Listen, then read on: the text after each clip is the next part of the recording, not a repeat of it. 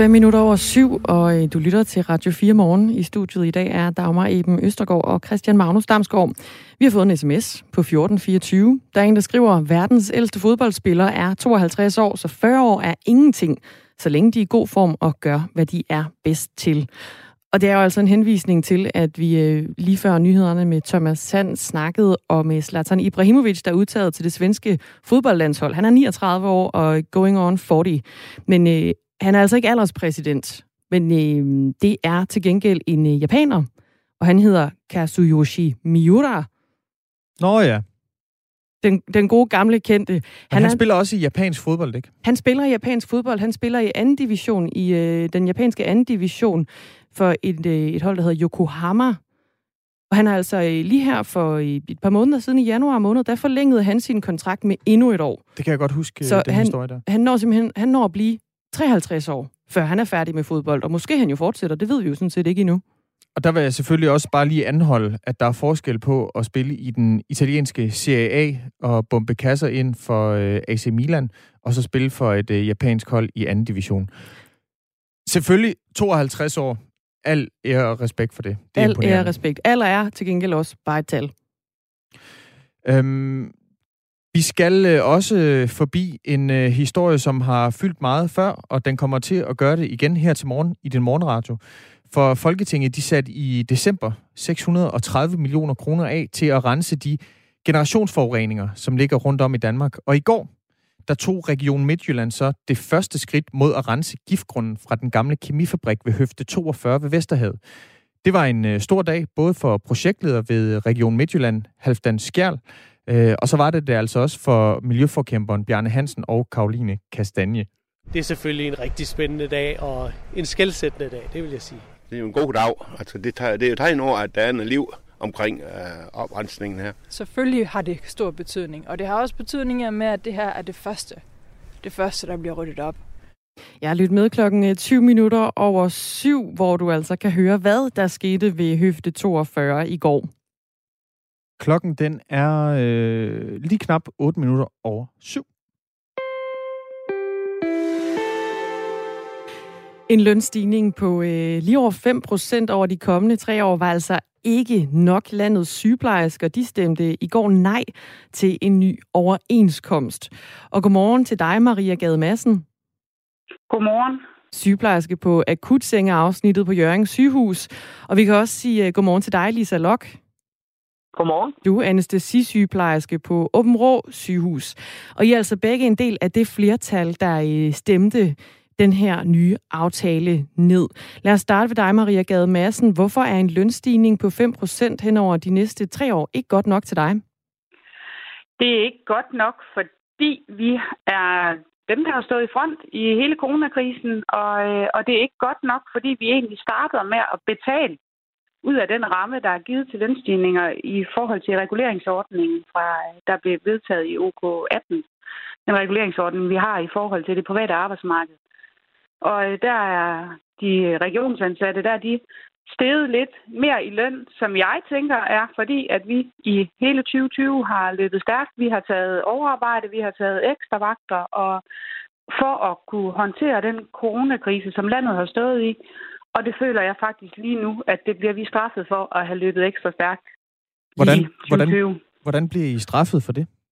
Det gør vi ved, at dengang, at de kommer til forhandlingsbordet, så er der klart givet en ramme til at forhandle om. Og så siger regionen, men I skylder lige lidt i, i forhold til reguleringsordningen fra 2020. Hmm. Så dem starter vi lige med at tage ud af den ramme, der er givet. Hva, hvor meget skal sygeplejersken så have i lønstigning? Altså det er 5,02 procent. Det er så over tre år. Det er ikke nok. Hvad er nok? Jamen nok er, når vi, efter, når vi får lukket det det hedder det øh, lønefterslæb, vi har tilbage fra 1969. Øh, tjenestemandsreformen, hvor sygeplejerskerne blev indplaceret langt lavere end øh, eksempelvis lærere, fordi sygeplejersker, der var et sygeplejerskers løn var et supplement til mandens løn. Sygeplejersker var ikke forsørgere. Så alle, generelt gælder det jo for alle kvindedominerede fag, at vi har et lønefterslæb. Så når det er, lønefterslæb er lukket, så er det nok. Så I skal have det samme som øh, folkeskolelærer? Vi skal have en løn svarende til en øh, mellemlang videregående uddannelse. som jo blandt andet folkeskolelæreren er, og der skal ikke være et, hedder det, kønsdiskriminerende løn. Hvad hedder sådan noget? Lønnen, køn, kønnet skal ikke være afgørende for, hvad løn man får. Det skal være uddannelse og ansvar. Hvor meget øh, tjener du lige nu øh, før skat? Før skat med alt, hvad jeg kan trække af Alt, hvad kan det trække. tillæg. Alt, hvad jeg kan trække Alt af med tillæg og hele baduljen? Ja, Jamen, der har jeg 35.000. 35. Ja, Okay. og i det, der er jo selvfølgelig en høj, høj, høj andel af nattillæg. Mm, det er klart. Ja, Okay. Og, hvad, og jeg har været sygeplejerske i 10 år. i 10 år. Så en anciennitet på 10 år, og du tjener 35.000 med alle tillæg og så videre. Ja. Okay. Øh, og hvad skulle den løn så være? For, fordi at nu, nu er der så sagt nej til de her 5%, så er man jo ligesom også nødt til at have en eller anden idé om, du siger, der skal lukkes et efterslæb, der går helt tilbage til 1969. Øh, hvad, hvad skal din løn være, for at du er tilfreds? For at der er en aftale, Jamen- du vil sige ja til? Jeg vil sige, altså i, i grundløn, der skal jeg, altså uden tillæg, der skal jeg stige en 3-4.000 om måneden. Okay. Ja. Så, så 39.000 Ja, skal du op på? Ja. Okay. Hvorfor lige 39.000? fordi så kommer vi op omkring det, det løneftergab, eller lønefterslæb, vi har. Så hvis, Altså, hvis der lå et forslag på bordet, hvor det var 39.850, vil du så sige nej? nej, Okay. Hvad så, hvis det var øh, 38.500? Jamen, altså, så er det jo igen, altså, så skal man jo ind og kigge på tallene, og hvordan falder de. Og, men øh, jeg vil sige, øh, der, skal være en, øh, der skal være en markant lønstigning, som sygeplejerskerne kan mærke.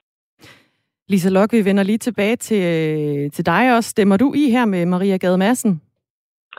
Jamen, øh, jeg kan da nærmest ikke gøre andet. Øh, jeg tænker, at det er ganske rimeligt, det hun øh, udlægger her i radioen. Så du vil også gerne op og tjene de her 38-39.000? Altså, jeg tænker, at det, man skal huske på, det er, at en stor del af vores løn, den er bundet op på de her tillæg, og det er tillæg. Det er jo sådan noget, alle andre også får, hvis de arbejder om natten og i weekenden og alt, på, på alle mulige andre tidspunkter af døgnet.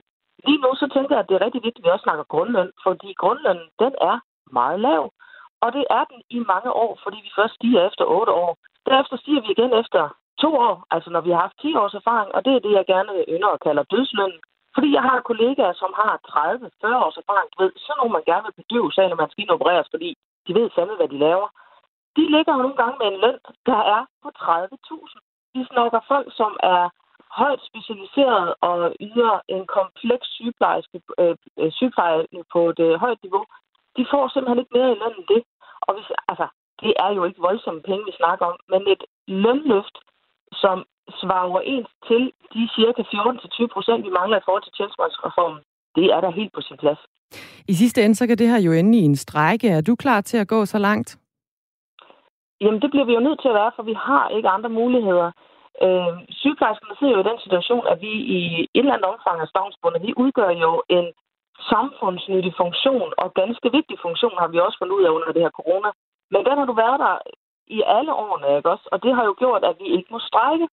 Og øh, de gange, vi har strækket, har det jo også bevist, at vi skal øh, det et nødberedskab. Et nødberedskab, som mange gange har været meget bedre end den daglige normering. Så øh, ja, jeg skal nok strække, og det er jeg sådan set ikke bange for. Og jeg skal også nok betale i den bødekasse, vi efterfølgende skal til at betale i, så fremt at vi bliver lockoutet eller andet. Men vi har ikke andre muligheder. Det er den her mulighed, jeg har. Vi må ikke bare alle sammen sige op i morgen. Hvad sker der egentlig, hvis øh, de danske sygeplejersker strækker? Jamen, så sker der jo bare det, at vi skal stille et nødberedskab øh, hjemføre vores overenskomst. Og øh, så betyder det jo reelt, lige om lidt, så står vi jo alle sammen uden overenskomst. Og øh, det nødberedskab, det vil ofte have en bedre normering end øh, det, du ser på afdelinger. Og det så vi også ved sidste konflikt, det var, at der var rigtig mange afdelinger, som simpelthen ikke kunne stille nødberedskab. Øh, så derfor blev de øh, taget ud af den her konflikt og skulle ikke deltage. Så på den måde, så fortæller det jo ganske tydeligt, at øh, den daglige normering, den er virkelig dårlig. Men derudover så er det altså vores grundløn. Lad os tale om vores grundløn, som er så super elendig. Altså, når jeg startede som sygeplejerske i 8 år, så var min grundløn på 25.000. Det er altså der, vi taler. Mm. Og den, øh, den grundløn, der er også en del lyttere, der spørger ind til, hvad den grundløn er. Jeg sidder nu på Dansk Sygeplejeråds hjemmeside. Øh, der står, at Ja. grundlønnen for en sygeplejerske, det er 28.204 kroner. Kan I begge to øh, nikke genkendende til det tal, jeg siger der? Øh, nej, ikke helt, fordi min grundløn øh, på 37 timer dagtid, den var på omkring 25. 25.000, 26.000. Ja, hvornår var det? Jamen, det var lige her for nylig. Jeg har lige øh, haft 8 års øh, anciennitet, så jeg er lige stedet. Plus, at jeg er blevet uddannet til anestesisygeplejerske, så Mm. der er jeg også stedet. Okay. Altså, ja. ifølge Dansk øh, Sygeplejeråds øh, hjemmeside, der, jeg sidder simpelthen bare og kigger på, på gennemsnitslønnen Ja, ja. for en, øh, Ja. for en øh, regionsansat sygeplejerske. Ja. Øh, og Ja. der står 28.204. Er det sådan Ja, i det lav? jeg, det er øh, i- gennemsnitsløn? tænker jeg, det, er, må være, det må være inklusive nogle tillæg. Der er garanteret noget nat og noget... Så er der oven i den løn, så kommer der nogle centrale tillæg på 1.100 kroner, og så nogle lokale tillæg på øh, 2.700 kroner. Ja, altså jeg har også nogle tillæg med øh, i min- min region, hvor jeg er ansat. Øh, så samlet, så, øh, så er jeg kommet op på 26.000. Øh, men øh, nu har jeg i, i de foregående to år været øh, kursist ved anestesien, og der er det ren dagvagt, og der var der ikke nogen øh, aften- og nat- og weekendarbejde, øh, fordi man er under uddannelse. Og der var det bare min grundløn. Så, Så det var det. Ja, og den, øh, den grundløn vil, vil I så gerne have op, øh, eller have op. Øh, der bliver også skrevet en del ind på sms'en i forhold til det her, der blev, der blev nævnt om øh, altså kønsdiskriminerende løn. Jeg, Ja. tror, jeg tror, det var, øh, var det dig, Maria Gade, der nævnte det? Ja, det var det. Ja, Ja. det var det. Ja. Hva, hva, er, hvad er det, det kønsdiskriminerende i den øh, grundløn, I får nu? Det kønsdiskriminerende, det, ligger, det, er, det går tilbage til tjenestemandsreformen i 1969, hvor man, hvor man tydeligt kan gå ind og se, hvad, hvilke fag, der var, der var flest mænd ansat i, blandt andet lærerne. Der de fik en langt højere indplacering i tjenestemandsreformen, hvor sygeplejerskerne, det var kvinder, pædagogerne, det var kvinder, og de blev placeret langt lavere, fordi de, de var ikke forsørgere dengang. De, det var supplement til mandens løn, så derfor behøvede de jo ikke at få så høj en løn. Men, men er der Og forskel? det er det. ja, det er, nej, der er ikke forskel inden for faget. Nej. Altså, det er ikke, jeg, får, jeg får det samme som min mandlige kollega med samme anciennitet. Mm. Men det er, det er jo simpelthen generelt, at det er inden for fagene, hvor de kvindedominerede fag i 1969 blev indplaceret lavere. Det er den, vi stadigvæk kæmper med. Mm. Maria Gade Madsen, Lisa Lok, hun, øh, hun var rimelig klar på at, at gå ind i den her konflikt og åbnede sådan set også op for, at hun var, hun var med på en strække. Skulle det komme så langt? Hvor står du henne på det? Jamen, jeg er fuldstændig enig i alt det, Lisa sagde. Det, øh, det er selvfølgelig mega ærgerligt, at vi øh, tager vores patienter som gisler, men det kan bare ikke nytte noget. Vi er også nødt til at skal være nok om fem år til at passe vores patienter. Og hvis det her, der ikke, der, hvis ikke der bliver gjort noget markant ved det her, så forlader sygeplejerskerne faget. Der er I allerede i gang i mange sygeplejersker forlader faget, og det sygeplejerskerne siger, årsag til, at de forlader faget, vi får for lidt i løn, og vi knokler for meget for den løn, vi får. Så, så jeg siger, vi er simpelthen nødt til, hvis vi skal fremtidssikre, at der også er sygeplejersker om fem år til at tage sig af de akut dårlige på sygehuset, så skal vi gøre noget ved det. Lisa Lok og Maria Gade Madsen, hvad, hvad skal der ske nu, hvis vi starter hos dig, Lisa Lok? Ja, jamen altså, først og fremmest så skal vores, øh, vores forhandlere jo ind igen og finde ud af, hvad de vil, og så må vi vente på resultatet derfra. Der er også nogle pædagoger, som venter på en afstemning, øh, og jeg mener, der er nogle flere, øh, hvor øh, afstemningen det først kommer her den 19. april. Øh, men altså, øh, problematikken ligger jo stadigvæk i den her tjenestemandsreform, som øh, politikerne ikke har gjort noget ved i 50 år. Og øh, jeg kan da godt lide at pointere, at øh, vores ligestillingsminister Peter Hummelgaard, han øh, bliver måske også den næste i rækken af politikere, som ikke får gjort noget ved det her problem. Og øh, jeg synes, det er super ærgerligt, fordi vores sundhedsvæsen, det er en øh, samfundsvigtig funktion i vores samfund, og øh, den kompleksitet, som sygeplejerskerne løser gennem årene, er virkelig stor, og de lægeopgaver, som er blevet uddelegeret gennem årene, er store og vanskelige og komplekse, og vi bliver ikke honoreret for det arbejde, vi laver til daglig. Så øh, vi må gå og vente på at se, hvad de finder ud af i forlisinstitutionen eller i vores, øh, hos vores forhandlere, og så øh, må vi jo tage det derfra. Vi holder i hvert fald også øje med, hvad det er, der kommer til at ske fremadrettet. Lisa Lok, tusind tak. Ja, det var så lidt. Anestesi-sygeplejerske på dem Rå sygehus. Og vi skal også lige have sagt uh, tak til dig, Maria Gade Madsen. Vi bliver nødt til at runde af nu. Tak, fordi du var med. Jamen selv tak. Sygeplejerske på akutsengeafsnittet på øh, Jørgens sygehus. Og øh, vi har altså også forsøgt Dansk Sygeplejeråd her, øh, her til morgen på, øh, på den her historie om, at øh, overenskomsten den blev stemt ned i går. Det var med et, øh, et snævert flertal, kan vi sige, at øh, 47,3 procent har stemt nej, mens 46,5 procent de stemte for overenskomsten her. Og det, der altså var, blev nedstemt, det var øh, blandt andet en øh, lønstigning på øh, 5,02 procent over tre år.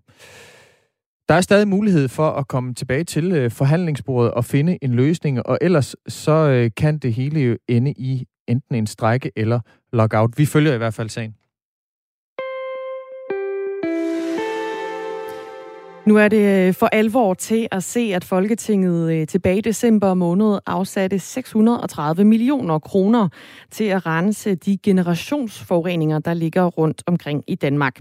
Og i går der tog øh, Region Midtjylland så det første skridt mod at rense giftgrunden fra den gamle kemifabrik ved Høfte 42 ved Vesterhavet. Og det var altså en stor dag, både for projektleder ved Region Midtjylland, Halfdan Skjærl, og så også for miljøforkæmperne Bjarne Hansen og Karoline Kastanje. Ja, der sidder to måger på et tag i Typerøn. Den ene, den er gul, og den anden, den er grøn. Det her, det er spillemanden fra Lykstør, Knud Højrups kritiske sang om giftgrunden ved den tidligere kemifabrik ved Vesterhavet, Keminova. Og han behøver altså ikke, som du også var inde på her, Dagmar, han behøver, behøver ikke synge kritiske sange mere, for nu er første skridt til en oprensning af giften ved Harboøre Tange netop taget. I går der blev en del af den jernspunds, som altså også kan beskrive sådan en, jernplade, øh, der har indkapslet giftdepotet ved Høfte 42, den blev taget op af jorden. Og det var altså kun en lille del af jernspundsen, der blev taget op, så man har stadig styr på den gift, den nu øh, indkapsler, men den kan alligevel give vigtig viden om det her områdes forurening, så virksomheder fremover kan byde på opgaven øh, øh, om at rense jorden. Vores reporter, Marken Friis Lange, hun øh, tog til Vesterhavet i går for at blive klog på, hvordan man gør klar til at rense området fra og omkring Keminova. Det er selvfølgelig en rigtig spændende dag og en skældsættende dag, det vil jeg sige. Det er jo en god dag. Altså, det, tager, det er jo tegn over, at der er noget liv omkring øh, oprensningen her. Selvfølgelig har det stor betydning, og det har også betydning med, at det her er det første. Det første, der bliver ryddet op. I 15 år har ingen set den her jernspunds, som har været gravet ned for at holde giften inde her ved Høfte 42 helt ud til Vesterhavet. Øh, det bliver ret sjovt eller spændende at se den i dag, fordi øh, vi skal se, hvilken tilstand den er i. Jeg hedder Halfdan Skærl, og jeg er øh, jordforeningsmedarbejder i øh, Region Midtjylland, og jeg er projektleder øh, en af to for oprensning her ved Høfte 42. Hvordan tror du, den kommer til at se ud?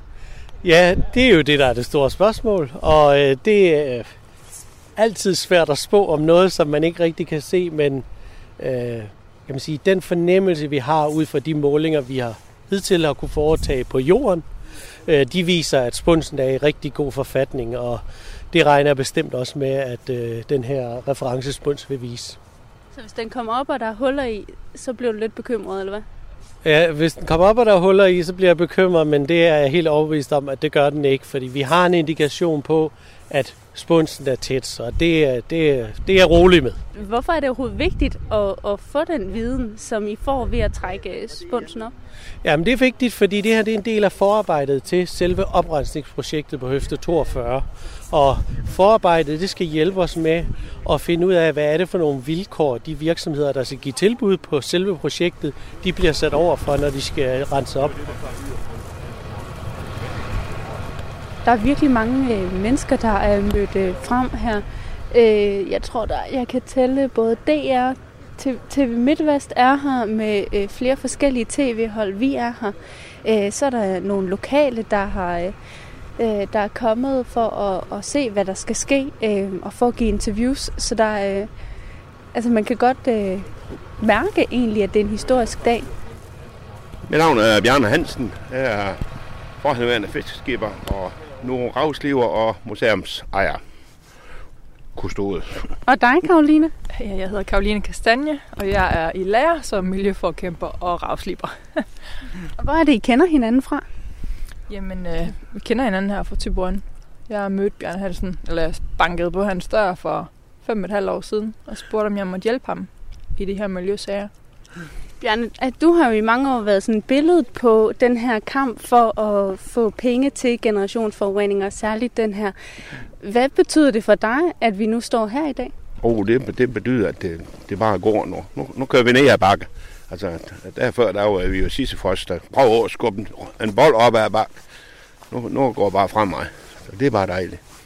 Hvad tror du, det kommer til at betyde, at det her på et tidspunkt bliver helt giftfri? Jeg tror ikke, at det nogensinde bliver helt giftfrit herude, fordi at det, der bliver renset op, er kun kernen af depotet. Spunsen omkranser kun kernen af kernen. Der, der er meget mere gift her rundt om, og der er også gift her, hvor vi står og ned ud på engene. Ja, der er masser af gift her. Så får det overhovedet en betydning, det her? Ja, selvfølgelig gør det det, fordi det her, det er... Katastrofen. Ja, det er kernen af det værste, af det værste gift, der findes. Og, og, og skulle det ryge ud i havet det hele, så er det en kæmpe katastrofe. Så selvfølgelig har det stor betydning. Og det har også betydning med, at det her er det første. Det første, der bliver ryddet op. Og herfra kan det jo kan det jo så fortsætte til en gammel fabriksgrund, og på et tidspunkt forhåbentlig også alt det på Rønland, som er gigantisk. Så det er en start. Mm. Nu kan jeg se, at, øh, at de begynder at øh, gøre sig klar til at øh, rive den op, jernspunsen, og jeg er gået helt hen til gitteret her nu. Øh, man kunne selvfølgelig godt tro, at øh, fordi det er en giftgrund, og fordi at, øh, at sandet her er, er giftigt, jamen så, øh, så har det en anderledes farve. Øh, men det er det ikke. Det ligner altså helt almindelig sand, og det ligner bare, det er et stort øh, hul, der er gravet her øh, lige tæt på klitterne.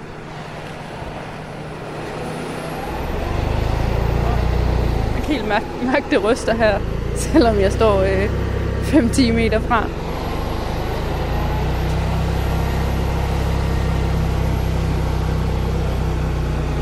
Åh, oh, den kommer op. Ej. Der er imens øh, jernspunsen, som øh, umiddelbart ser ud til at være i helt tilstand, øh, den bliver trukket op, så bliver der sådan helt vand på. Det er sikkert for at nedkøle. Det går rimelig tjep, må man sige. Den er en meter i bredden, og så må vi se, hvor lang den er, når de har fået, fået helt op. Åh, der gav kranen lige øh, slip. Det er altså en ret vild følelse at stå her på en kæmpe klit helt ud til Vesterhavet, og så ryster jorden simpelthen bare. Det er næsten som om, det er et jordskæld. Der kommer også en helt særlig lugt. Jeg kan ikke helt bestemme, om det er, det er egentlig om det er sådan lidt en, en havnelugt, eller om det er en giftlugt. nu fik det det hele op. Den slap jorden, rent visuelt, så ser det ud som om, den ser rigtig fin ud. Ja, den er heldigvis ikke fyldt med huller. Den er heldigvis ikke fyldt med huller, det havde vi heller ikke på nogen måde forventet. Hvornår er I færdige med det her projekt, oprensningen? Ja, oprensningsprojektet er et, er et kæmpestort projekt, og det er noget, der tager lang tid, øh, og det er også noget af det, der kræver meget forarbejde. Øh, så øh, der kommer til at gå nogle år, inden vi kommer i mål med oprensningen. Jamen, jeg har det rigtig, rigtig godt med, at det startede. Det tænker jeg også opbuddet af mennesker herude i dag viser, øh, at øh, det er en, om ikke en stor dag, så er det i hvert fald en skældsættende dag, for nu kommer der til at ske noget praktisk i forhold til at få renset op herude.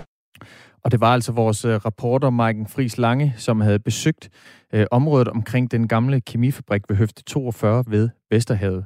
Øh, hun havde altså mødt øh, blandt andet projektleder ved Region Midtjylland, Halfdan Skjærl, og miljøforkæmperne Bjarne Hansen og ej at forglemme øh, Karoline Kastanje.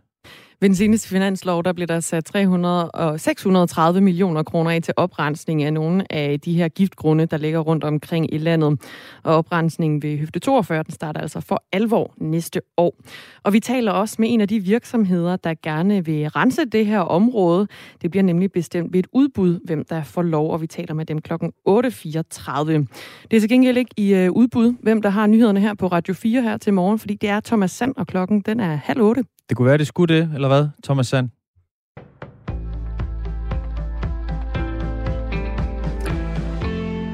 Jeg er nu meget glad for, at det er mig, der har den. Det, det også. skal koste teknologigiganter som Facebook og Google at bruge indhold fra danske medier og musikere på deres platforme. Sådan lyder det fra kulturminister Joy Mogensen, der vil sikre danske kunstnere betaling for tech-giganter med nyt lovforslag. Fra tech-giganter med nyt lovforslag, det fremsættes i dag. Henrik Møring fortæller. Medierne spiller en central rolle i vores demokrati og sikrer, at den offentlige debat sker på et oplyst grundlag, udtaler ministeren. Hvis medierne skal blive ved med at lave journalistik, så skal de selvfølgelig også betales for brugen af den, siger Joy Mogensen. Med lovforslaget bliver der lagt op til, at rettighedshaverne, det kan være musikere, medier eller andet, får en ny udgiverrettighed, så de selv kan bestemme, hvem der må bruge deres indhold – Dermed skal eksempelvis Facebook eller Google have samtykke fra en udgiver for at måtte anvende udgiveres materiale online. Det fremgår ikke klart, hvor grænsen for brug går. Det vil stadig være muligt at linke til artikler for eksempel. Joy Mogensens forslag giver medier mulighed for at gå sammen og lave kollektive aftaler med tech om, at medierne skal have betaling, når deres indhold bruges. Det er planen, at de nye regler skal træde i kraft den 7. juni i år, så frem lovforslaget bliver vedtaget. Og det fortalte altså Henrik Møring. Det kan være uger før Suezkanalen igen er farbar over for farbar for skibstrafik. Det oplyser et af de bjergningsselskaber, der arbejder på at få et stort containerskib, der har været fastklemt og blokeret kanalen siden tirsdag fri. Vi kan ikke udelukke, at det kan tage uger, alt afhængig af situationen, siger Peter Badowski, direktør for det hollandske bjergningsselskab Boskalis, til et hollandsk nyhedsprogram ifølge nyhedsbruget Reuters. Boskalis er et af to bjergningsselskaber, der er hyret til at få det 400 meter lange og 59 meter brede containerskib Ever Given fri. Det gik på grund som følge af en sandstorm, der umuliggjorde styring af skibet. Ni slæbebåde er også sat ind i forsøget på at trække skibet, der ligger på tværs i kanalen fri. Det er vanskeligt at forhindre folk i at rejse udenlands under en pandemi, det siger den tyske forbundskansler Angela Merkel. Der er på nuværende tidspunkt betydelige retslige bekymringer. De skal tages alvorligt, siger Merkel om at forhindre udlandsrejser. Diskussionen om udlandsrejser er blevet intensiveret i Tyskland efter at flybukninger til blandt andet ferieøen Mallorca er steget markant. Den spanske destination blev for nylig fjernet fra Tysklands liste over steder, der betragtes som høj risiko. Antallet af nye smittede på Mallorca faldt til under 50 per 100.000 indbyggere set over en uge, hvilket betød, at tyske borgere kunne tage på ferie uden krav om test eller karantæne, når de vendte hjem. Regeringen overvejer nu, om et midlertidigt stop for rejser til populære turistmål i udlandet kan lade sig gøre. Myanmars sikkerhedsstyrker har dræbt mere end 300 personer i forbindelse med oprør mod militærkuppet den 1. februar. Det viser en optælling fra en aktivistgruppe og flere lokale medier. Tidligere denne uge oplyste aktivistgruppen Assistance Association for Political Prisoners, at mindst 275 personer var blevet dræbt af sikkerhedsstyrker. Gruppen har torsdag opjusteret tallet til 320. 90 procent af offrene er blevet dræbt af skud, og en fjerdedel af dem er blevet dræbt af skud i hovedet lyder det fra aktivistgruppen. Langt flest mænd er blevet dræbt, mens omkring hver tredje var under 24 år. Til morgen noget diset, ellers får vi let eller nogen sol især øst på i landet, vest på flere skyer. I løbet af eftermiddagen kan der komme byer enkelte steder. Temperaturer op mellem 7 og 12 grader.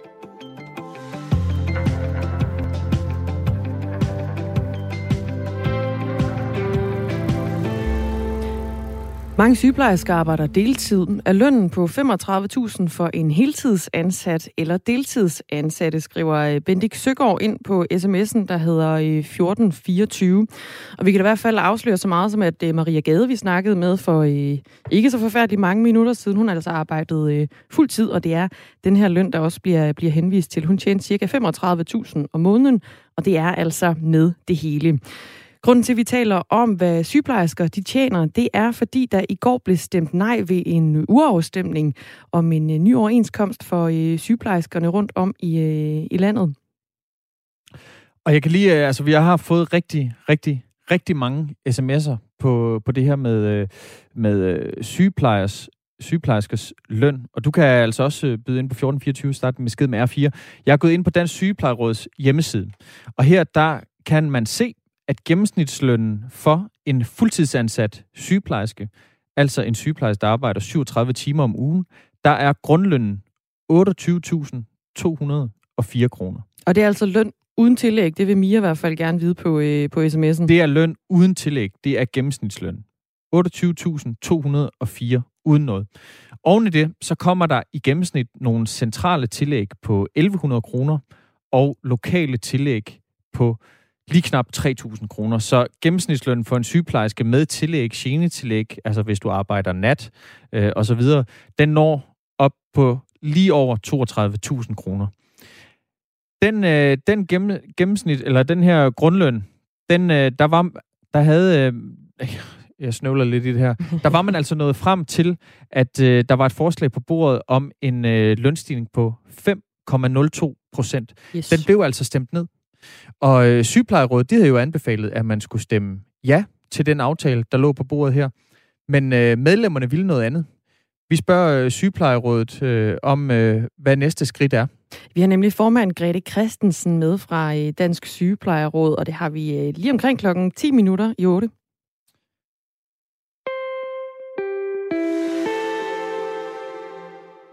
Vaccinen fra øh, AstraZeneca bliver ikke taget i brug de næste tre uger.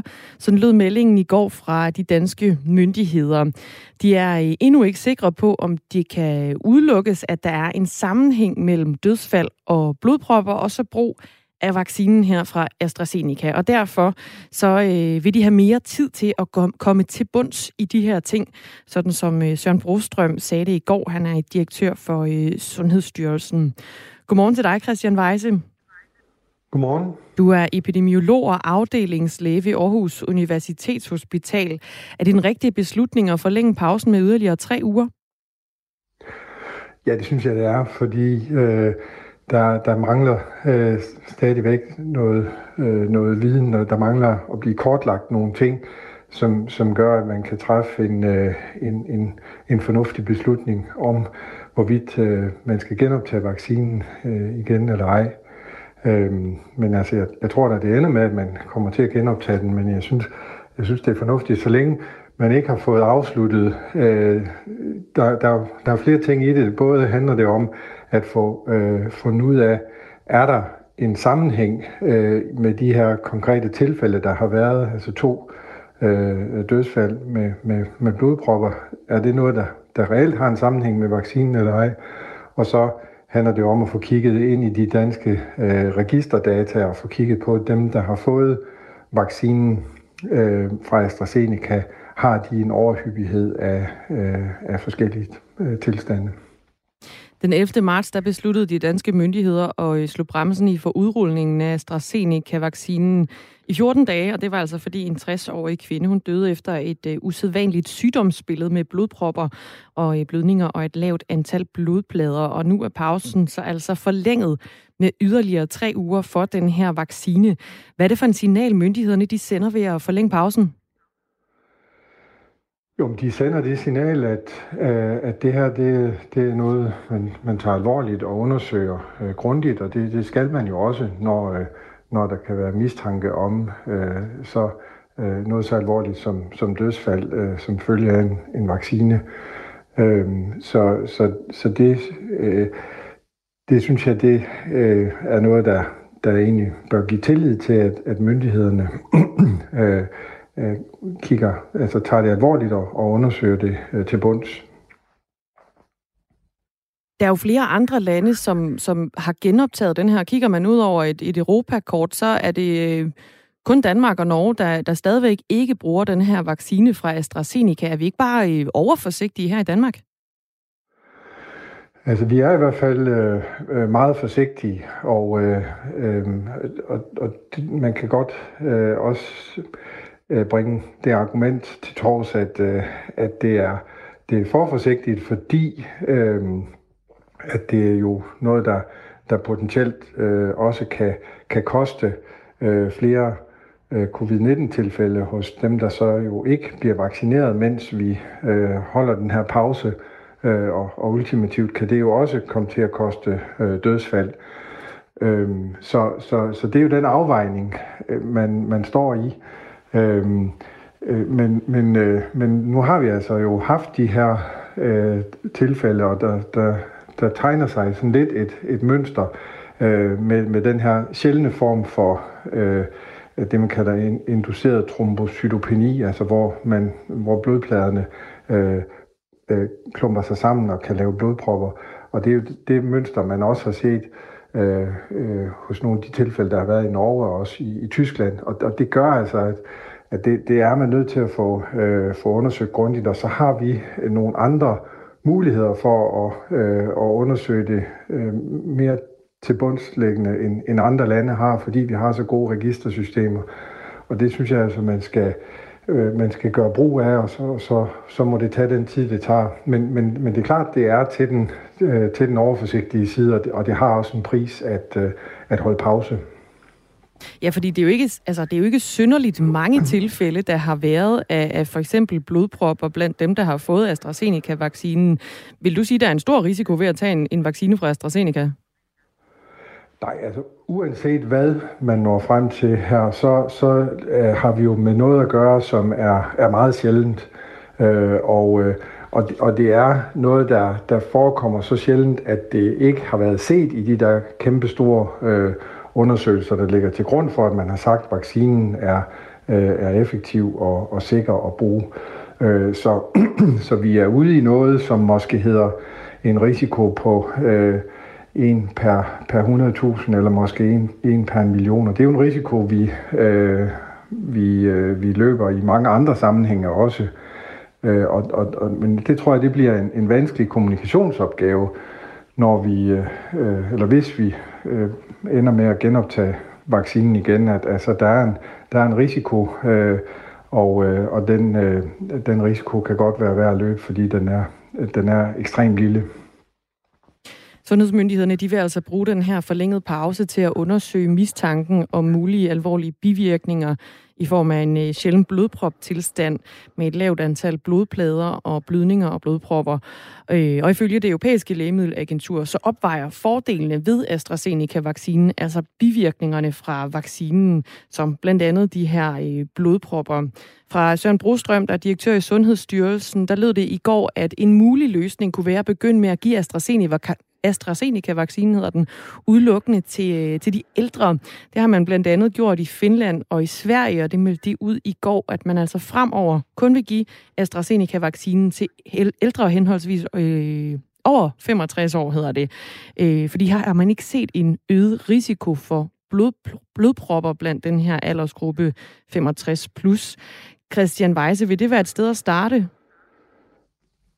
Jamen, det kan godt blive et, et, et, et, et muligt udgangsscenarie i Danmark også, øh, fordi øh, altså, det vi jo skal, skal huske på, det er, at, øh, at det, det der jo nok er i, øh, i kikkerten her, er jo i virkeligheden en slags immunreaktion, mere end, end det er, er blodpropper i klassisk forstand. Altså de, langt, langt de fleste blodpropper, de skyldes jo forkalkninger i, i blodkarrene, øh, og kolesterol- og fedtaflejringer. Og, det, og det, det er slet ikke den type blodpropper, der er på tale her. Det er sådan en sjælden immunreaktion, hvor, øh, hvor der er nogle antistoffer, der sætter gang i, at, at, at blodpladerne øh, klumper sig sammen.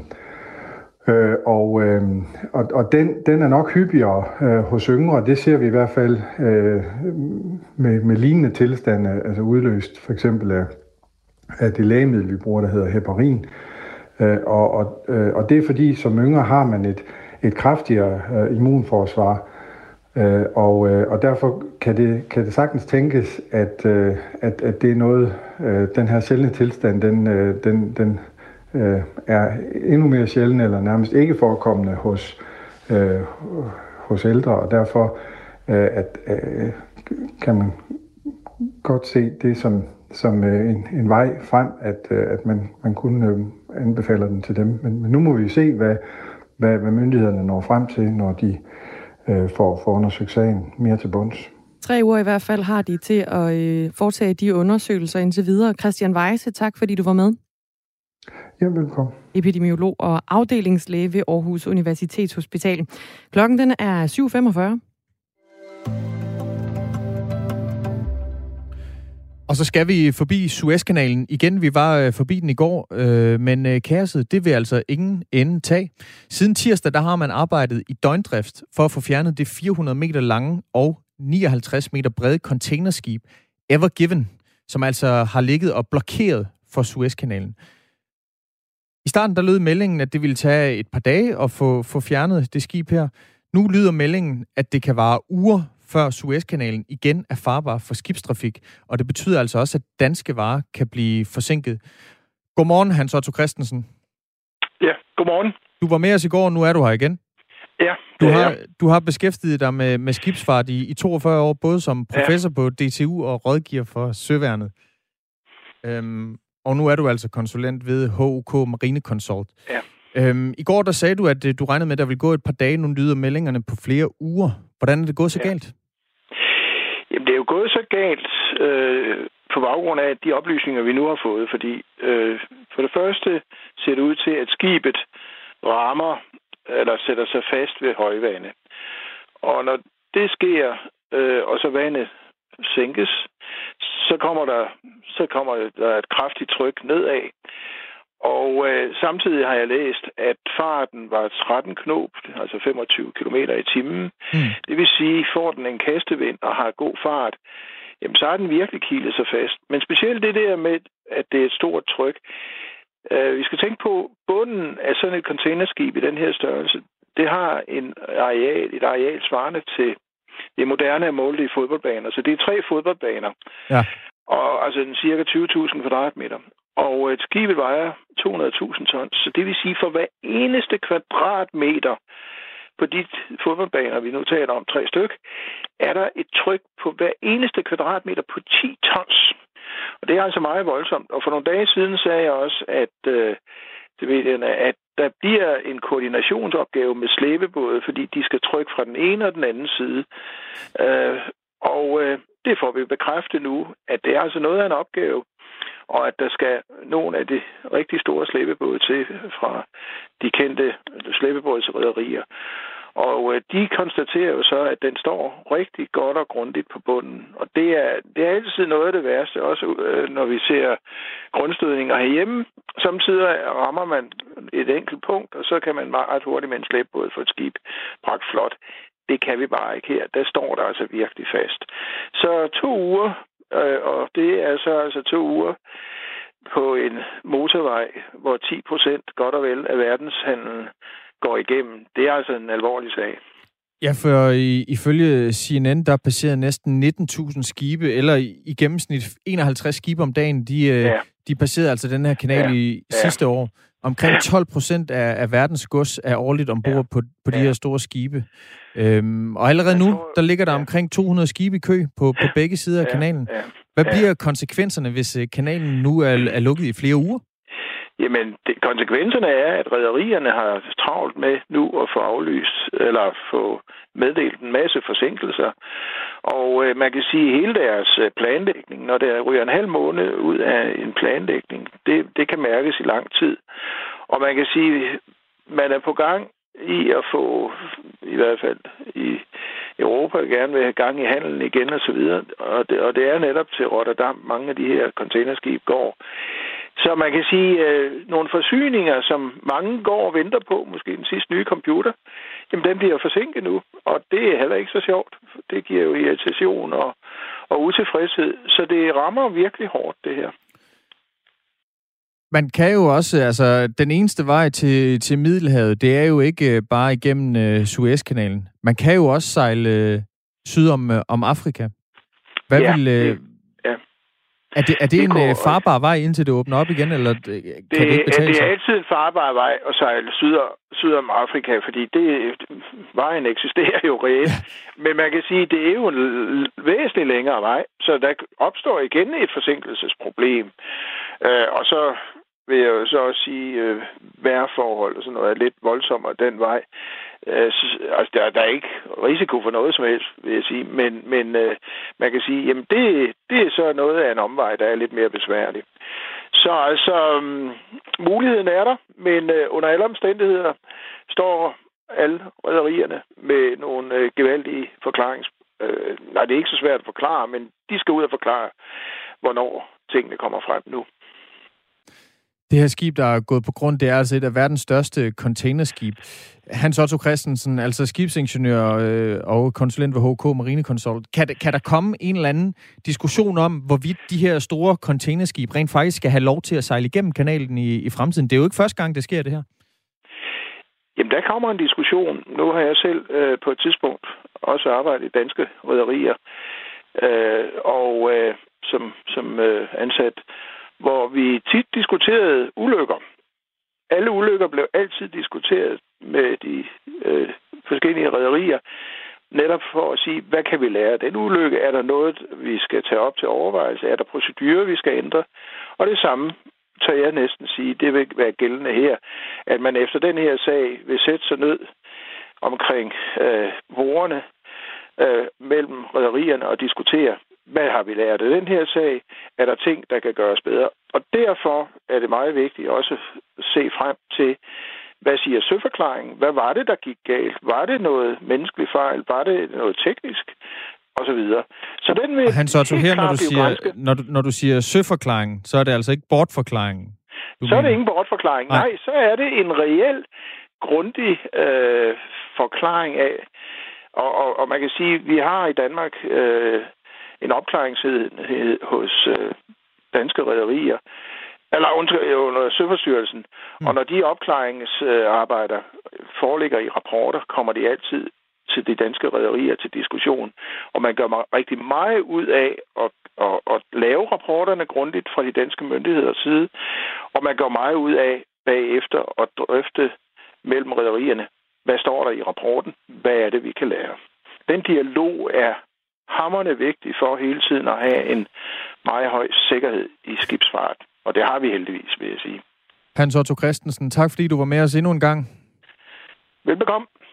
Altså beskæftiget sig med skibsfart i 42 år, både som professor på DTU, som rådgiver for Søværnet, og altså nu som selvstændig konsulent ved HK Marine Consult. Om den her øh, ufrivillige blokade, der lige nu er af Suezkanalen, som altså forbinder det, det Røde Hav og Middelhavet.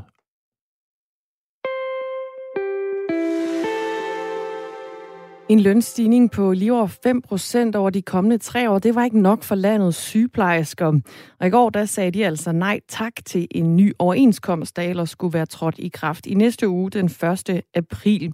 Og nu kan vi sige uh, godmorgen til dig, Grete Christensen. Godmorgen. Formand for Dansk Sygeplejeråd, og så er du også forhandlingsleder for lønmodtagerne i, uh, i regionerne. Hvad tænker du om det her mm. nej, der er blevet sagt nu?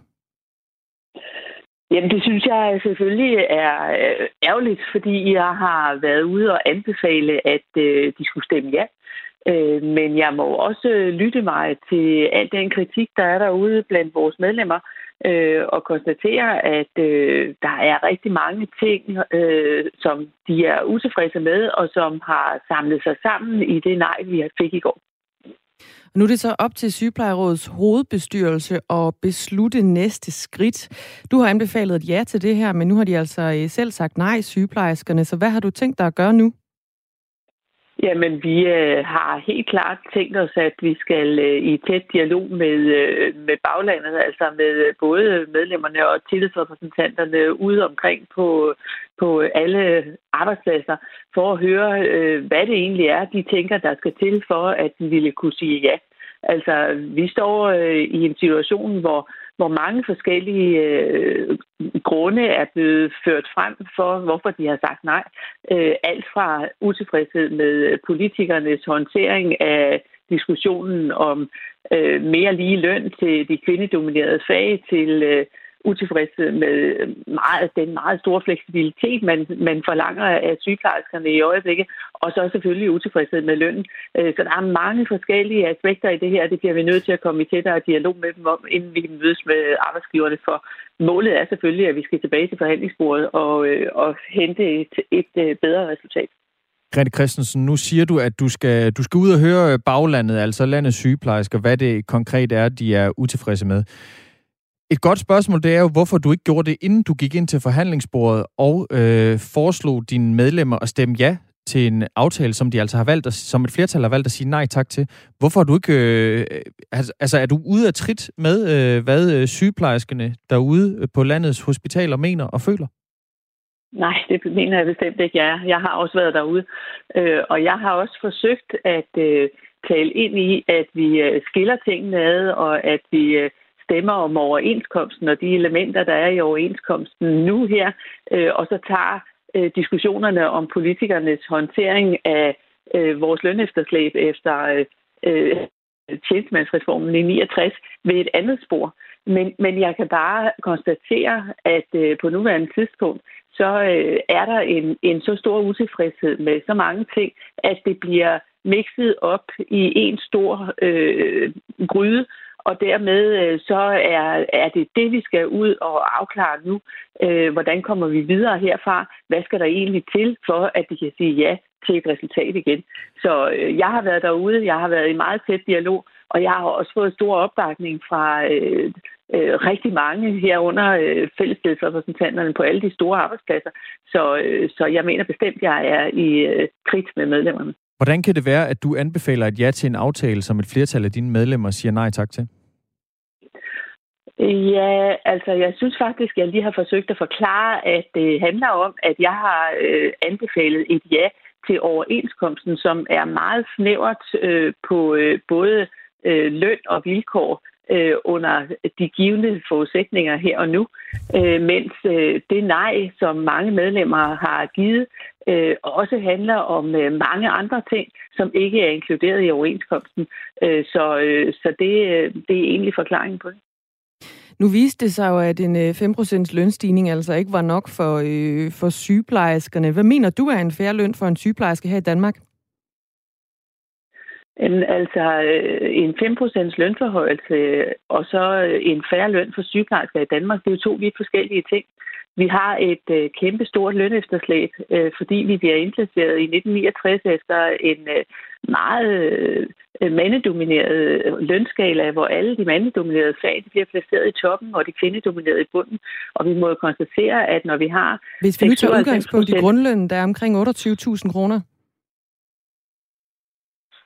Jamen, så mener jeg simpelthen, at øh, den ikke er i overensstemmelse med det, øh, de opgaver, sygeplejerskerne har, og det ansvar, de påtager sig hver eneste dag ude på vores hospitaler.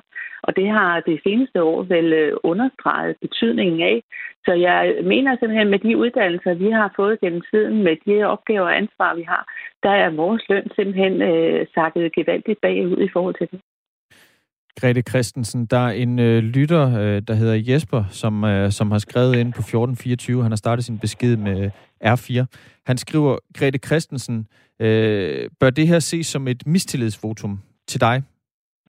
Altså det her med, at du har anbefalet et ja til en aftale, som medlemmerne så siger nej til.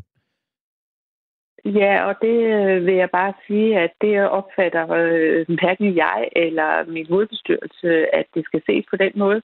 Øh, og det synes jeg også, at mange af de meldinger, jeg fik i går, er udtryk for. Så, så nej, det skal det ikke. Vi har talt med to sygeplejersker tidligere her på øh, morgen i Radio 4 morgen, og de er begge to klar til at gå i strække. Hvis det sker, så stiller der sig jo et øh, nødberedskab klar, jævnført den nuværende overenskomst. Men synes du egentlig, det vil være øh, fair i en situation som nu at stille det danske sundhedsvæsen i en øh, i et nødberedskab, når vi står midt i en, den største sundhedskrise i nyere tid? Jeg har øh, i, i lang tid givet udtryk for, at jeg synes, det er en rigtig, rigtig vanskelig situation at øh, gå i konflikt i. Men jeg må jo konstatere, at vores medlemmer er der nu, hvor de ikke er tilfredse med det resultat, vi har forhandlet hjem. Og dermed øh, så våger vi os nu ud på en boldgade, der hedder, at vi vil tilbage til forhandlingsbordet.